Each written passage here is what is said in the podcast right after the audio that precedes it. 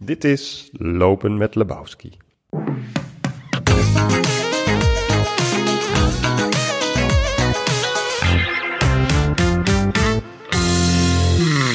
Vrienden en vriendinnen van de literatuur, auteur Marion Pauw en haar redacteur Jasper Henderson spreken over Marions roman De Experimenten op een unieke plek, namelijk in de villa in Leusden, die Marion gebruikte als setting van haar boek en die ze opduikelde op een makelaarswebsite, maar waar ze nooit echt was geweest, tot nu. Ze dwalen door de kamers, in het trappenhuis en buiten bij de tennisbaan, paardenbox en volière, waar voor Marion haar roman ineens tot leven komt.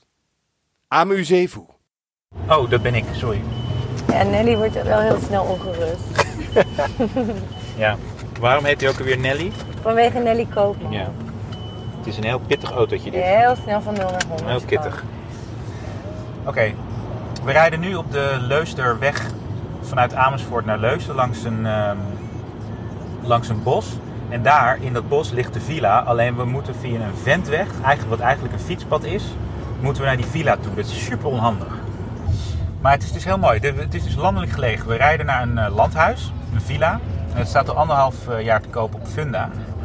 En waarom, we naar deze villa, waarom gaan we naar deze villa, Marion Pauw? Nou ja, toen ik eh, de experimenten ging schrijven, toen was ik op zoek naar een huis waar het boek zich kon afspelen. Ja. En dan kijk ik heel vaak op Funda. Ja. En toen heb ik dit huis gevonden. Ik dacht, ah, dit is een perfect Oh, stop. huis voor mijn eh, Wauw. hoofdpersonen. Ja, oh, het hek is al open, ja. Kijk nou. En eh, ja, dus ik, ik, ik heb gewoon wat foto's van dit huis, huis gedownload. En dit was altijd het huis wat ik in gedachten had. Mijn hemel. Kijk, de, Prachtig huis. de hortensia's Oh ja, de staan ook beschreven in het boek, hè? Oh, dit is, wel, dit is een soort, het is een Hanse Grietje Kijk nou. huis, maar dan heel groot. Ja, ja. Oh, er zit meneer achter een computer. Dag meneer. Zal ik hier de auto neerzetten? Is dat oké, denk je? Ja. Of is dit niet oké? Ja, dat, dat denk ik wel. Oké. Ach, wat mooi zeg. Ja. Nou ja, en, en daarom is het wel echt heel leuk. We worden dus zo rondgeleid door de eigenaar, toch? Ja. Die zo vriendelijk was om, eh, om ons toe te staan in het huis te kijken. Terwijl wij praten over de experimenten. Oké, Ja. daar gaan we dan. Zo. Goedemorgen. Goedemorgen. Dag, hallo. We vroegen ons even af hoe we hier nou moesten komen, maar het is gelukt. Ja, die, eh, de, het, de navigatie geeft het een beetje beroerd aan. Ja, klopt. Ja. Jasper er Henderson. Dag, hallo. Hallo. Goedemorgen. Hallo, Marion. Pauw. Ja, hallo. jullie, willen jullie eens rondlopen of zo? Eh, Nou, ik weet niet wat, we, wat, je, wat je wil. Wil je eerst even buiten rondlopen? Eerst wil we even ontzettend fijn dat we, Ja, dat we hier dit wij mogen doen. Dat we langs mogen komen. Ja, kleine moed, hè? En, Ja, eh, echt heel fijn. Ja. Het is een prachtig huis, zeg. ja, echt fantastisch. En wat ligt het hier mooi. Ja, Ja, dat is mooi, maar dat vergt veel onderhoud natuurlijk. hè. ja, eh, begrijp ik. Maar dat is misschien ook wel om jullie naar iets anders willen. Ja, gewoon, het is gewoon heel groot. Ja. Dit is heel, eh, heel groot om dat met z'n tweeën te onderhouden. Wil je eerst even buiten lopen of binnen? Of, Ehm. ehm, nou, Nou, misschien eerst even binnen. ja, is goed. Ja. Dan gaan we even met u mee. Wat grappig dat je hier... En is dit ook de hoofdentree van het Nee, huis? nee, nee, nee, die, Nee. die, die kant. Nou, de meeste mensen lopen hier naartoe. Ja. Omdat het, eh, ja, beetje, vroeger was dit de personeelsingang. weet je. Ja. En daar was dan de hoofdingang. Een zwembad ook. Mijn hemel, wat een groot goed zeg. Wat een, wat een plek. Met een tennisbaan ook. Ja. Fantastisch. Dat wist je natuurlijk ook niet, eh, Marion, toen je dit uitzocht. Nee, van de tennisbaan wist ik wel. Maar ehm, Alma die zit bij de tennisclub. Dus ik dacht, ik laat haar niet thuis een tennisbaan hebben. Heel goed. Dat is een goede overweging. Ja. Want, ehm, nou, u weet waarom we in het huis eh, eh, graag wilden kijken. Omdat het model heeft gestaan voor het huis dat in Marion haar laatste boek zit, de experimenten. En dat hebben we vorige week eh, eh, ge- gepresenteerd. Ja. En ik vertel even heel erg kort waarover het gaat. Het is, het is een verhaal omdat Alma wordt net genoemd. Dat is een oudere dame van eh 90 eh, Ja, eh, al. ver in de negentig. Ver in de 90. En eh, zij is heel erg ziek. En eh, zij woont nog steeds in een hele mooie villa in de bossen. eh, waar ook haar stiefdochter Charlène eh, is opgegroeid voor een deel van haar jeugd met haar. Eh Charlène, de eigen moeder, overleed toen ze vrij jong was. En haar vader hertrouwde met deze Alma. Ehm, en eigenlijk vanaf het allereerste begin dat Alma in dat huishouden komt en in dit prachtige huis waar zij al woonde, ehm, ging het mis tussen die twee. Eh, Alma vertoonde wel hele rare trekjes af en toe. Eh, ze, eh, ze wilde per se dat Charlène alleen maar hele mooie kleren droeg. Ze stond er altijd op dat ze al het eten, en dat was nogal veel, opat wat er was. En ze moest altijd beginnen met het toetje. En het waren nog maar hele kleine dingen eh, die ze eigenlijk gebood aan eh, Charlène. Maar dat ging van kwaad tot erger. En op een gegeven moment is Charlène, toen ze volwassen was, uit huis gegaan. En eh, sindsdien hebben ze elkaar nooit meer gesproken. Maar als het boek inkomen, aan het begin van het boek, is Charlène na 50 jaar toch onderweg naar Alma, naar dit huis. Of althans, het huis dat model heeft Ja, gestaan. niet voor, letterlijk dit huis. Eh, omdat ze heel erg ziek is en er is niemand dat weekend, alle verplegers, die hebben geen tijd meer, die kunnen niet. Eh, de, de verpleegster die er normaal is, wordt weggeroepen. Er is niemand anders om voor Alma te zorgen dan haar stiefdochter Charlie. En met lood in de schoenen gaat ze dat weekend naar dat huis om voor haar te zorgen. En vanaf het moment dat ze binnenkomt, is het meteen weer mis tussen die twee. Op een gegeven moment valt, eh, op de eerste avond valt Alma uit bed en moet overeind worden geholpen door Charlie. En eh, dan begint Alma opeens eh, te vertellen. En wat ze vertelt, dat lezen wij in een, eh, eh, ook in het boek natuurlijk, is een verhaal over de oorlog. Want het blijkt, Ja, ik heb een interview op de, Ja. eh, eh, hoe heet het, op televisie. ja, Oh, bij RTL Late Night gezien. Late Night, ja, ja. ja, Heb ik gezien. En Ja. ik heb een stukje van het boek gelezen, want er staat een stuk op internet. Oh, oké. oké, wat goed. En we hebben het gezocht op Leusden en zo. Ik- Ja, ja, ja. Het is wel gauw bij de afstaan Leusden, Ja. Ja. wat je vertelt. is Ja. Eh, ik vroeg me wel af, eh, hoe kom je nou bij om dit huis... eh, Nou, eigenlijk wat, wat ik meestal doe is als ik, een, als ik een boek aan het schrijven ben, vind ik het fijn om toch een beeld te hebben bij het huis wat ik beschrijf. Dus dan kijk ik op Funda en dan denk ik, Oh, nou, ik zoek een beetje zo'n soort huis. En dan vind ik een huis. ja, ja, En dan, eh, ja, dan gebruik ik dat als uitgangspunt. En ik kwam dus jullie huis tegen en ik vond het zo mooi. Het is zo groot en, en met glas in loodramen en, en een enorm stuk grond erbij. En een paardenbox. Ik dacht, ja, dit is echt fantastisch. Dus het is niet letterlijk uw huis. Nee, dat, Bedoel- heb ik ook gezien in de beschrijving die je doet.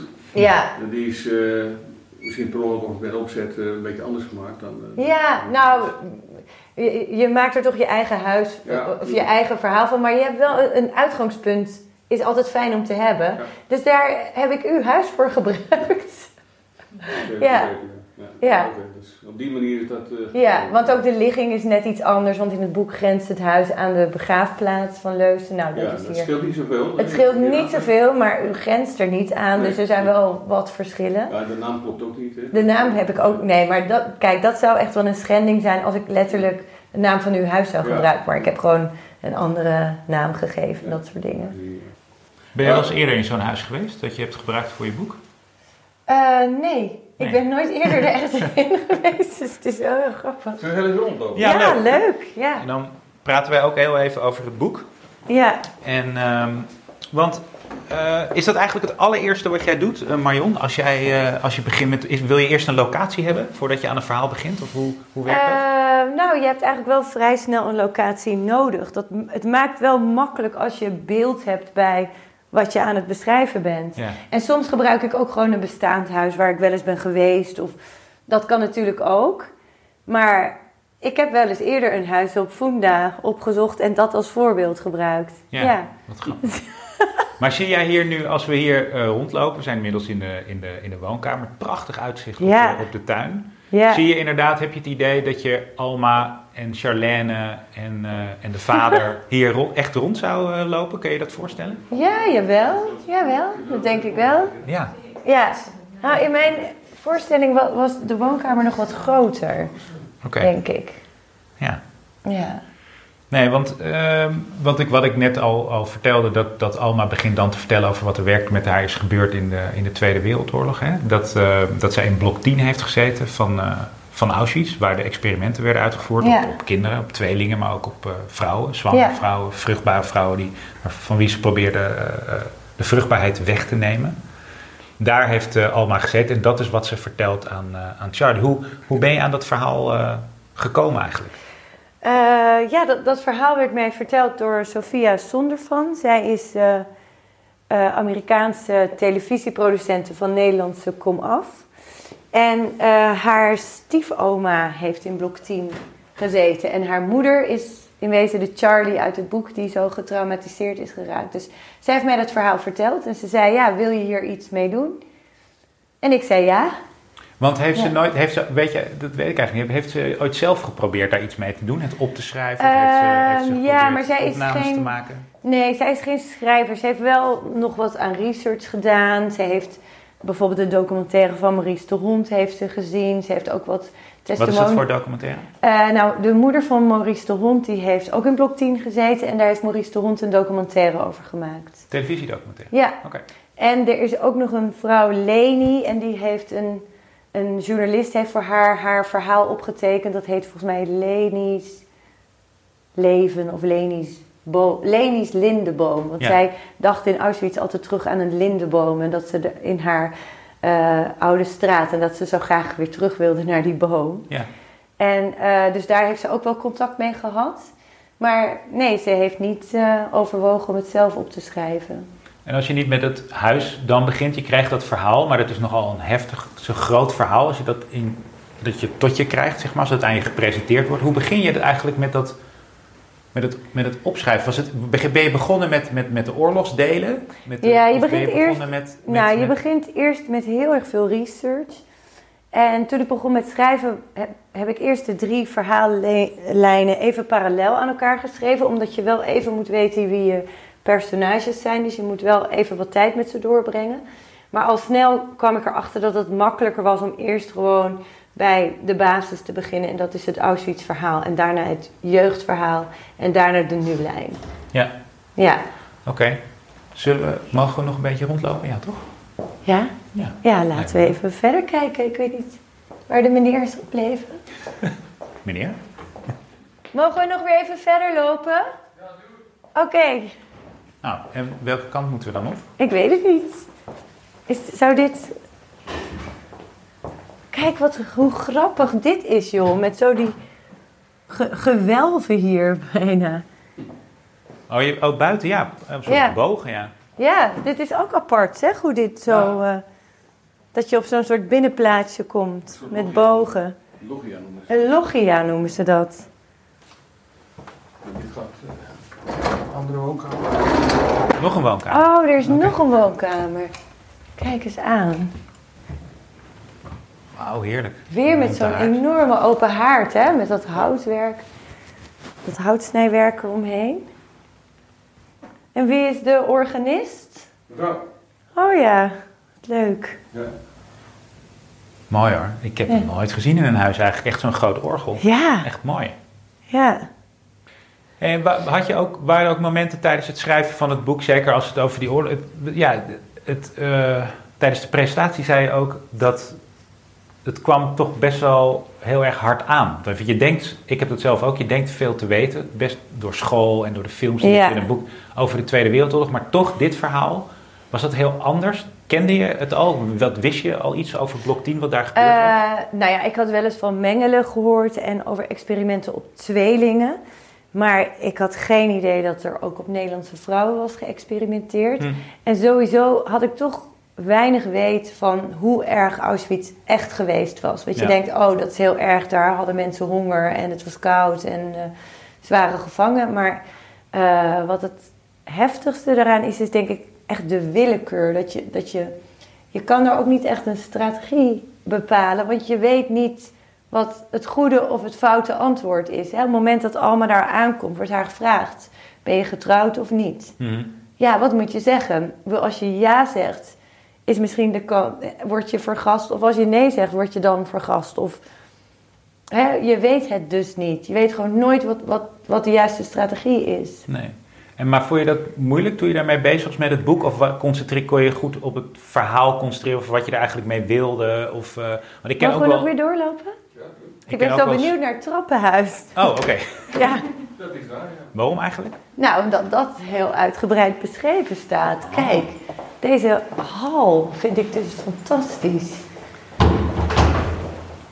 En dit is die onnodige kroonluchter, hè? Die onnodige kroonlichter? Staat dat in het boek?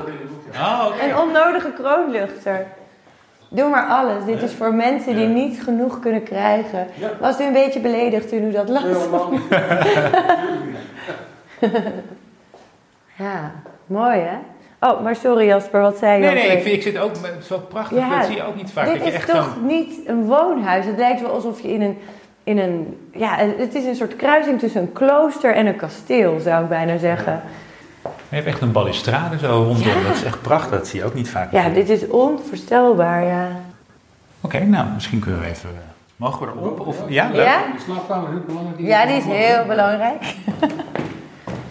ja. Vertel het mij om. Wat, wat wil je met die slaapkamer?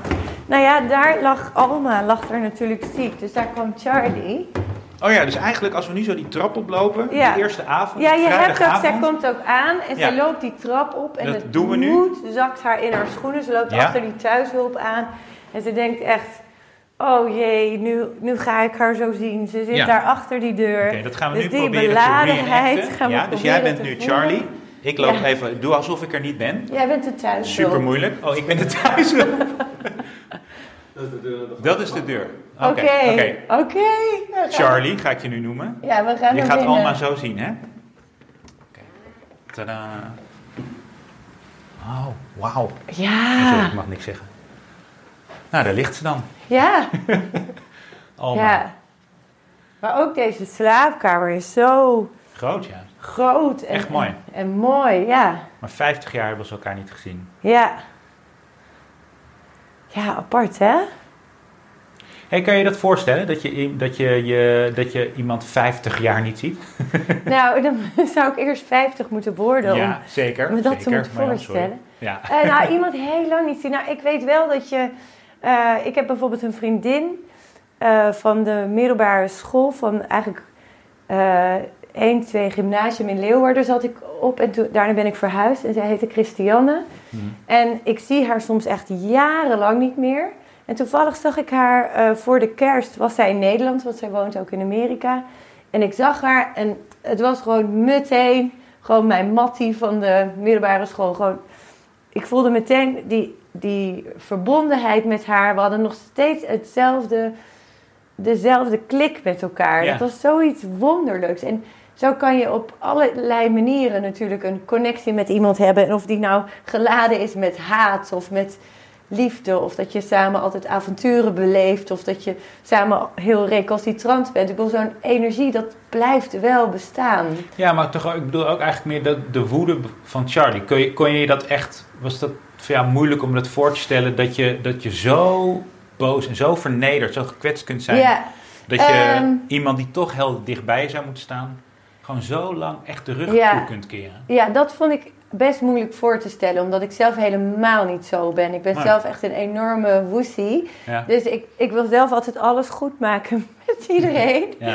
En eh, nou ja, ik, ik kan me wel voorstellen, ik ben nu inmiddels wel op het punt dat ik denk, ja, sommige mensen, eh, het is beter om het contact niet meer voor te zetten, omdat het je niks meer gaat brengen. Ja. Maar dat is een andere emotie dan dat je uit woede iemand niet meer wil zien. En ik Ja. vind het best knap dat iemand 50 jaar lang boos kan blijven. kan blijven. Is dat, is, dat, is, dat, is dat niet zonde van de tijd ook? Ja, maar ik snap het wel. Het komt ook wel door de man die zij heeft uitgekozen. Hè? Want eh, kijk, haar moeder, stiefmoeder Alma, die is een en al eh, ja, grilligheid en, en, en rare emoties en Mhm. enorme pieken en dalen. Dus ze heeft een man eh, gekozen die. Charlie. Ja, Charlie heeft Ja. een man gekozen die eigenlijk een emotionele flatliner is. Ja. Ik bedoel, Han is gewoon heel constant. Ja. En dat, heeft haar, dat vond zij veilig. Dus voor haar een veilige keuze. Zij voelt zich er goed bij. Maar dat zorgt er wel voor dat zij zich niet zelf ook emotioneel is gaan ontwikkelen. Ja. En dat is ook hetgene waar haar dochter Sophia haar heel erg in prikkelt. Van kom op, ga eens nadenken. Ga eens wat doen met, met al die woede. ja. Omdat haar man heeft iets van, joh, laat lekker gaan, punt. Eigenlijk is ze gewoon 50 jaar lang stil blijven staan in Ja, die, in die Zij is emotie. echt stil blijven staan in haar, haar ontwikkeling. Ja. En Ja. in dat weekend wilde je laten zien hoe, hoe toch die twee vrouwen met pijn en moeite proberen toch weer naar elkaar te komen. Omdat Ja. er iets psychologisch speelt, wat ook, een, wat ook bekend is in de, in de, in de psychologie. Eh, hè, dat, er, dat er, als het gaat over traumaverwerking Ja. en over trouw. Dus kun je, kun je daar iets over vertellen? Wat, wat er dan kan spelen tussen bepaalde generaties? Nou ja, wat er eigenlijk is gebeurd met Alma, die, die is uit eh, Auschwitz gekomen en die, die droeg een heel groot trauma bij zich. En wat heeft ze gedaan? Ze heeft dat eigenlijk uitbesteed aan Charlie, dus ze heeft dat deel afgesplitst bij haar stiefdochter neergelegd. Zodat zij zelf als de gevierde vrouw door het leven kon. Ja. En, eh, en, voor, en dat was ze ook. Dus hij, zij, het gezonde deel hield ze voor zichzelf. En het zieke deel zette ze uitsluitend weg bij Charlie. Ja. Dus dat is een, een bekend fenomeen in, eh, als het gaat om trauma. Maar dat is eigenlijk het, het, het echt grote verhaal. Ik, het is niet zozeer een oorlogsboek. Ik denk dat de oorlog is een, een thema, een deel van, van het verhaal... waardoor we iets kunnen vertellen, of waardoor Ja. jij iets kan vertellen... over hoe dit soort psychologische eh, mechanismen Ja, werken. werken, hoe dat ja. eigenlijk, omdat het niet alleen maar geldt voor oorlogstrauma's... maar voor elke vorm van trauma. Dus ik denk dat heel veel mensen zich in die zin ook wel... Hè, in elke familie is altijd wel iets. Speelt er een Ja. verhaal dat ervoor zorgt dat bepaalde familieleden niet met elkaar kunnen Klopt. of elkaar dingen kwalijk nemen. En dat is eigenlijk wat je probeerde te vertellen volgens, eh, volgens mij. Ja, En eh, wat grappig om dit. Ja, ik, ik zie die scène nu opeens helemaal voor me nu in deze voor je. kamer is zijn. Anders, hè? Ja. Mooi dat we hier mogen uh, rondlopen. ja, fantastisch. Ehm, nou, misschien even naar buiten dan. Wil je naar hè? buiten? Naar de paarden? Ja, naar de box. Boksen. Dat paarden hebben we niet meer. Er staat nog wel een kleine paardenstal. Zien. Oh ja, leuk. Ja. ja, leuk. Ja, en dit is dan ook zo de overloop waar een kleine Charlène, Charlie overheen trippelde. En dan hoorden ze Alma schreeuwen, die Ja. had nachtmerries. Wat gebeurde er dan s'nachts? Ja, zij hoorde dan s'nachts hoorde zij een heel raar geluid, als een dier in nood. Hoe zou jij het... Ik, kijk, ik weet Ik wat kan er het staat. geluid niet nadoen, Nee, nee. jammer. Maar Ik het is zoiets als... doen. Ra, ra. Ja, zoiets, zoiets. Ja. Ja. En zij hoort dat geluid en dan gaat ze vanuit haar slaapkamer, gaat ze dan eh, over de koude gang in haar nachtjapon aan de deur luisteren wat er aan de hand is. Ja. Getuige van de nachtmerries van Alma. Ja, dus, dus dit trappenhuis was, was best een heel belangrijk ding in het, of in ieder geval voor mij bij het schrijven van het boek. En ehm, als je nou naar de- deze roman kijkt, hè? Je, hebt er, je hebt er echt wel behoorlijk wat eh, op je naam staan. Thrillers, romans. Ehm, wat was de eerste ook weer? Villa Serena. Waar ging die ook over? Dat ging over een vrouw die ging terug naar een hotel op de Dominicaanse Republiek. Ja. Waar haar man haar had geprobeerd te vermoorden op de huwelijksreis. Ook al zo gezellig. Ook al zo'n Ja. gezellig verhaal.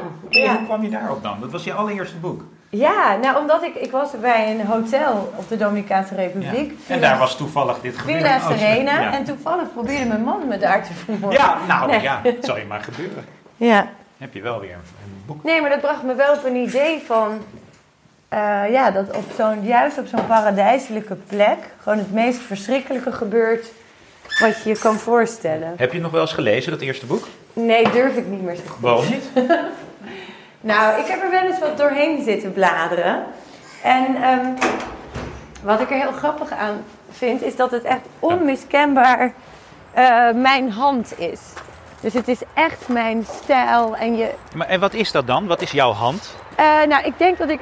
Het, een recensent heeft het wel eens genoemd een laconieke verteltrand.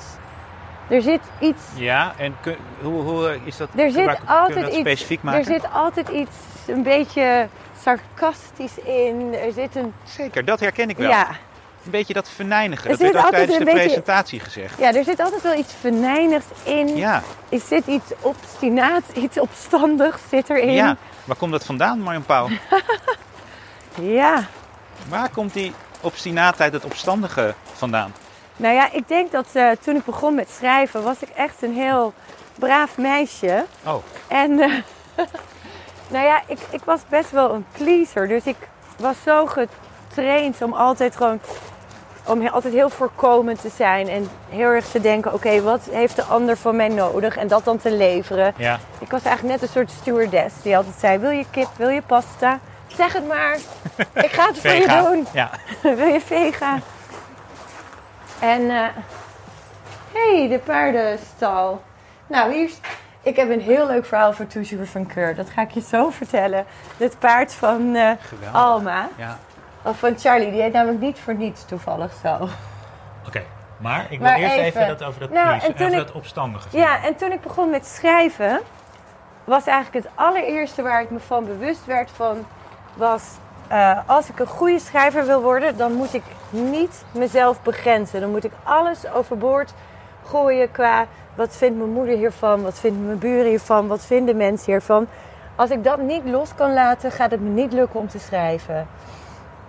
Knap En- als je dat dan lukt. Ja, ja. En eh, ja, dus eigenlijk was schrijven voor mij de allereerste plek waarop ik me uit durfde te spreken. Ja.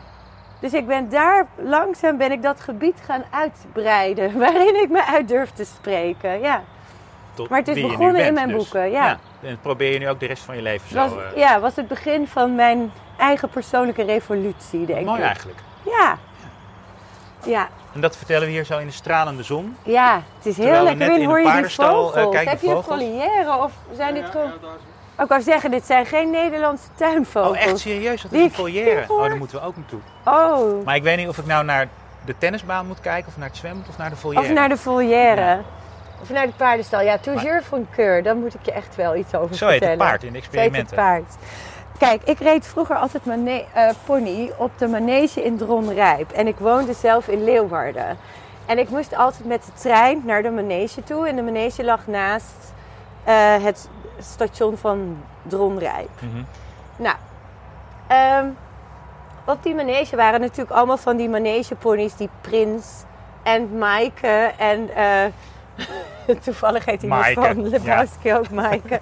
Maar dat was echt een, en Alex heette ook een paard. Zeker. Ik weet al, en Santana hadden we ook. Zeker. Eh, anyway, maar er waren dus die manegeponies, maar ook particulier gestalde paarden. En er was één paard en die was zo prachtig. En die heette Toujours Vainqueur. En dat was gewoon een prachtig paard. En iedere keer als ik door die manege liep, dan zag ik Toujours Vainqueur. En dacht Ja. ik, oh, wat is hij mooi. Ja. Nou, op een dag kwam ik uit school. Ik was denk ik 11 jaar oud. Het was woensdagmiddag. Ik ga naar de wc en ik zie dat ik voor het eerst ongesteld ben geworden. Dus ik was helemaal overstuur dat ik overstel- ongesteld was geworden. Ik vond het echt verschrikkelijk. En mijn ouders waren ook niet thuis. En ik dacht echt, nee, dit wil, ik wilde gewoon dat helemaal niet. En ik voelde me verschrikkelijk. Dus ik propte al mijn wc-papier in mijn onderbroek en ik ging in de trein naar Dronrijp. Ik kom daar aan op de manege. Was daar helemaal niemand. Was iedereen weg. Behalve één vrouw. En ik vraag aan haar, waar is iedereen? Echt met, met grote huilende zo van... En ze zegt zo, wat is er? Ik zeg zo, ja, waar is iedereen? En ze zei, ja, weet je het dan niet? Er is vanaf deze week zomermanege. En dat was twee kilometer verderop. En dan moest ik altijd op de fiets naartoe. Dus ik helemaal huilen. Oh. En toen zei ze tegen mij de magische woorden. Wil je anders even een uurtje op Toujours Vainqueur rijden? Schitterend. En toen Ja. begon de zon weer te stralen. Ja, dus toen mocht ik een uur op Toujours Vainqueur rijden. En dus die naam, dat is me altijd bijgebleven. Geweldig. Oh, wat Ja. een goed verhaal. Dus eh, Nou ja, en nu staan we dus bij de stal van bij Toujours stal van. Toujours. Maar geen paarden meer. Nee, Nee, jullie hebben geen... eh, ja. Ik baal wel een beetje van het foliaire. Dat was briljant geweest. Zullen we Als even kijken? Alma een foliaire had gehad. Maar is dat, is dat uw... eh, Toch? Ja, die volière stond er al, die hebben we wel gerestaureerd. Oké. Ja. Maar die staat niet op eh Funda, de foliaire. Dat is. Oh, er zaten geen vogels in. Oké. Mooie trekker, echt. Wauw. Wij hebben een stukje kunstgras in Amsterdam. Ja. Ja. Ja. Ja, gras groeit daar niet, joh. Kijk nou, Oh, allemaal kijk nou. parkietjes en dingetjes. Oh, wat grappig. Mooi. Oh, pas op, dit is heel erg glad, de vlonder. Ja, Kijk nou, nou, allemaal kanaries. hoe weet je dat? eh, Nou ja, je weet toch het verschil tussen een parkiet en een kanarie? Ja, really? Ja, echt weet je dat niet? Het is toch gewoon een mus, maar dan geel? Ja, dat is een kanarie. En een Oh, parkiet heeft dat platte snaveltje met dat of blauw of roze boven zijn En snavel. wat is dat dan? Daarna zie je of het een mannetje of een vrouwtje is. Dat is gewoon een grijze kanarie. Ja, het is een grijze vogel. Een grijze kanarie. Een grijze Ja, kanarie. wel echt mooi. Maar Ja. kunnen zij dus tegen de kou ook? Kunnen ze tegen de kou ook? Nou, het binnenhok is eh, verwarmd tot eh 10 graden. Oh, oké. Oh, dus dan gaan ze gewoon naar binnen. Nee, nee. Geweldig. Oh, wauw, wat leuk. Echt mooi hoor. Wat en hebben jullie allemaal mooie dingen Het hier. is hier echt een soort eh, Nou, club met het. vakantieparadijs, ja. Nou, dus als er iemand luistert die nog een heel erg mooi, Mooi huis, wil wonen, eh, kopen. bij Amersfoort, totaal buiten. Hier één. Ja, het is echt prachtig. Ik bevries wel een beetje inmiddels. Ja, ik ook. Oké, mag we heel even opwarmen binnen? nou, ik zat nog even te denken of ik nog iets aan je wilde vragen over het boek. Maar volgens mij hebben we heel veel wel besproken. Nou ja, ik, ik, ik was gewoon heel erg benieuwd hoe je dan terugkijkt. Nou, we hadden het over jouw eerste roman. Ja, oh ja. En wat dan, dan een beetje, wat je ziet, wat je, wat je nu anders hebt gedaan. Wat je nu toen deed en nu niet meer zou doen. Nee, nou, ik denk dat ik sowieso als persoon heel erg ben gerijpt. Dus veel meer inzicht heb gekregen in, in mensen, Ja, dank. Ja, dank. in personages. En ja, ik bedoel, het staat echt nog vol met beginnersfouten. Maar wat zijn dat dan? Nou, beginnersfouten? te veel bijvoeglijke naamwoorden. Ja, oké. Ehm, al moet ik zeggen dat ik wel vind dat ik, dat ik altijd al redelijk goed ben geweest in net dat detail eruit pakken. Net een typering eruit pakken waardoor je helemaal snapt hoe iets eruit ziet binnen één zin. Ja, dat klopt. En dat, dat had ik toen denk ik ook wel. En gewoon, ik denk eh, eh, een beetje een soort onhandigheid in, in te veel willen vertellen of juist te weinig vertellen. Of ja, emoties te, te dik aanzetten. Nog steeds hou ik af en toe wel van een beetje vioolmuziek Oh ja? in het boek. Daar hebben wij Ja? nog wel eens een klein... eh, Oh, wat leuk. ik ben heel, heel kaal en Heel- sober, hè? Ja, jij houdt echt van het kale sobere. Ja, ja. En dan zet jij in de kantlijn van, nou, dit eh, vind ik Nou, een dat beetje te veel. we niet allemaal te weten. Nee. Dan zeg ik nee, sorry. Deze houden we er toch in. Ja. Ik hou wel van een beetje sentimenteel op zijn Dat tijd. mag ook wel. Maar het moet niet te veel zijn. Maar je mag twee keer, balans. twee keer per boek mag je iets schrijven wat wat, is- een beetje hysterisch En wat is. is dat dan in experimenten, weet je dat nog? Ehm, Waar, waar, Even waar je zegt denken, van, waar nou, je hier, dat- hier mag je wel een waar lekker had je dat viooltje ook weer gezegd? Ja, dit ik weet het niet Ik denk, eh, nou ja, wat, wat een beetje sentimenteel is, is dat op een gegeven moment Charlie zich realiseert dat zij, dat Alma niet alleen dit verhaal vertelt voor haarzelf, maar ook voor de andere vrouwen Ja. uit blok 10. Ja. En dan maakt Charlie de switch dat ze denkt, oh, maar ik luister niet alleen naar dit verhaal voor Alma zelf, maar Ja. ik luister ook voor die andere vrouwen. Want die andere vrouwen zijn ook voor haar iets gaan betekenen. Ja. En dat is misschien een beetje sentimenteel. Nou ja, als je het zo vertelt, is het eigenlijk wel mooi. Ja, ja ik vond het zelf ook heel mooi, dank Nou goed, je. het staat er dus ook Ja. gewoon en, en, nu zoals het gegaan is, dat je, dat je een verhaal... Ik wil niet zeggen, ga, ga je nu op zoek naar, naar een, een, een nieuw verhaal? Ga je op zoek naar een dat, Nee. dat waar op je pad komt? Of denk je... is- Nee, ik geloof heel erg in dat eh, verhalen bijna als entiteiten Nou, dit zou ik weghalen. rondzweven. Ja. Nee, maar een verhaal is, is bijna een. Ja, het is bijna, je kan het bijna als een entiteit zien en Ja. die zweeft ergens rond en die is gewoon op zoek naar een schrijver. Dus er gaat een nieuw verhaal gaat mee vinden.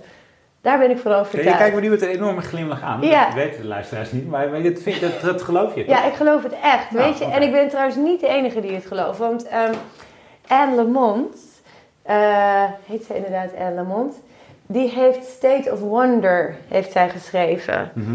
Fantastisch boek. Moet je een keer lezen. Waar gaat het over? Prachtig. Het gaat over een stel onderzoekers in, de, in het Amazonegebied die allerlei onderzoeken doen naar vruchtbaarheid. Mhm. En ik heb het alweer enkele jaren geleden gelezen, maar dat is me bijgebleven. En het is een, een hele levendige beschrijving van het leven daar. Anne Patchett. Oh ja. Anne Patchett, niet Anne Lamont. Anne Patchett, State of Wonder. Maar in ieder geval, ehm, Elizabeth Gilbert heeft het boek geschreven, Big Magic. Mhm. En daarin omschreef zij dat zij het idee had om... Dat zij opeens het idee kreeg, ik moet een boek gaan schrijven wat zich afspeelt in de Amazones. En het gaat over een stel onderzoekers die op zoek zijn naar het recept voor vruchtbaarheid. Oh ja. Maar ze had geen tijd om het boek uit te voeren. Maar het was echt een paar maanden speelde ze met die gedachten en toen verwierp ze het. Drie jaar later komt Anne Patchett uit met State of Wonder. En Elizabeth Gilbert ziet dat. En die denkt, dit is eigenlijk het verhaal wat ik wilde schrijven. En ik heb het aan niemand verteld. En toch had ik die aandrang om dat te schrijven. Ah. Dus ja, dat is heel hysterisch en heel zweverig. Maar ik mag graag Eh, ja. Eh, laat, laat zei ik ook tegen Oscar, ik heb gewoon een heel rijk psychotisch leven. Dus, Een rijk psychotisch leven. ja, Hmm, mooi. ja, Nou ja, het heeft je toch een hoop mooie verhalen opgeleverd. ja, absoluut. Hey, en wat, als laatste, wat, wat, zou je, wat hoop je dat als de mensen de experimenten lezen, dat, dat doet nu iedereen, maar wat ze daar uithalen? Wat heb, wat heb je het allermeest willen vertellen met dit verhaal? Eh, nou, ik hoop dat ze er twee dingen uithalen. Eén is dat je kritisch blijft op je eigen gedachten. Ik bedoel, als je ziet eh, hoe erg Auschwitz is. En, en ik bedoel, wij zijn eigenlijk misschien maar drie, vier jaar verwijderd van een Auschwitz. Wij dachten, Ja, in denk je Ne- dat? ja, wij dachten in Nederland in 1939 of 1938 ja, hadden we ook wel bepaalde generalise- generaliserende gedachten. En, maar we dachten, ja, dat loopt allemaal zo'n vaart niet. Maar het kan zo snel gaan. Je Mhm. kan zo snel een, een, eh, kan je een bevolkingsgroep eerst als ongewenst gaan beschouwen... en daarna uitsluiten en daarna gewoon af laten voeren. Mhm. Dus ik denk echt, ja, mensen, blijf gewoon nadenken over... Hè, over je, wees gewoon kritisch op je eigen gedachten Mhm. daaromtrent. En ehm, ik zou willen dat mensen nadenken ook gewoon over hun eigen eh, daderschap. Weet je, we zijn... Je bent in sommige situaties ben je dader, in sommige situaties ben je slachtoffer. Je kan niet altijd een onschuldig iemand zijn. Er zijn momenten waarop je inderdaad voor jezelf moet kiezen of waarop je niet anders kan Mhm. dan eh, iets te doen wat misschien voor iemand anders minder eh, geschikt is. Of misschien ben je, doe je het uit totale machteloosheid. Maar weet je, op het moment dat je niet dat erkent bij jezelf, neem je ook geen verantwoordelijkheid. Je bent nooit alleen het een of het Nee. ander. Je bent altijd een combinatie Ja, van beide. Je En in nooit- sommige situaties ben je misschien het een, sommige ben je het andere, maar weet je, wees je daar ook gewoon van bewust. Ja. Dus eigenlijk roep ik mensen op tot iets meer zelfreflectie. Ja. Dank je, Marjan. En dank dat we hier in het huis mochten wandelen. En dat het voor ons het verhaal ook eh, nog meer tot de verbeelding is gaan spreken. Ja. Vooral het trappenhuis en de tuin. Ontzettend aardig dat we dat even mochten doen. Prima. Ik vond het ook wel interessant om te horen. Ja. Ik vond het wel leuk dat je ons zei dat Nou ja, je hebt al die tijd, heb je dat niet geweten, dat ik dagelijks in jouw huis rond aan het dwalen was. Niet nooit iets gevoeld. Dus luisteraars, wees voorbereid. Misschien is Marion nu al aan het koekeloeren In in jullie huis. huis.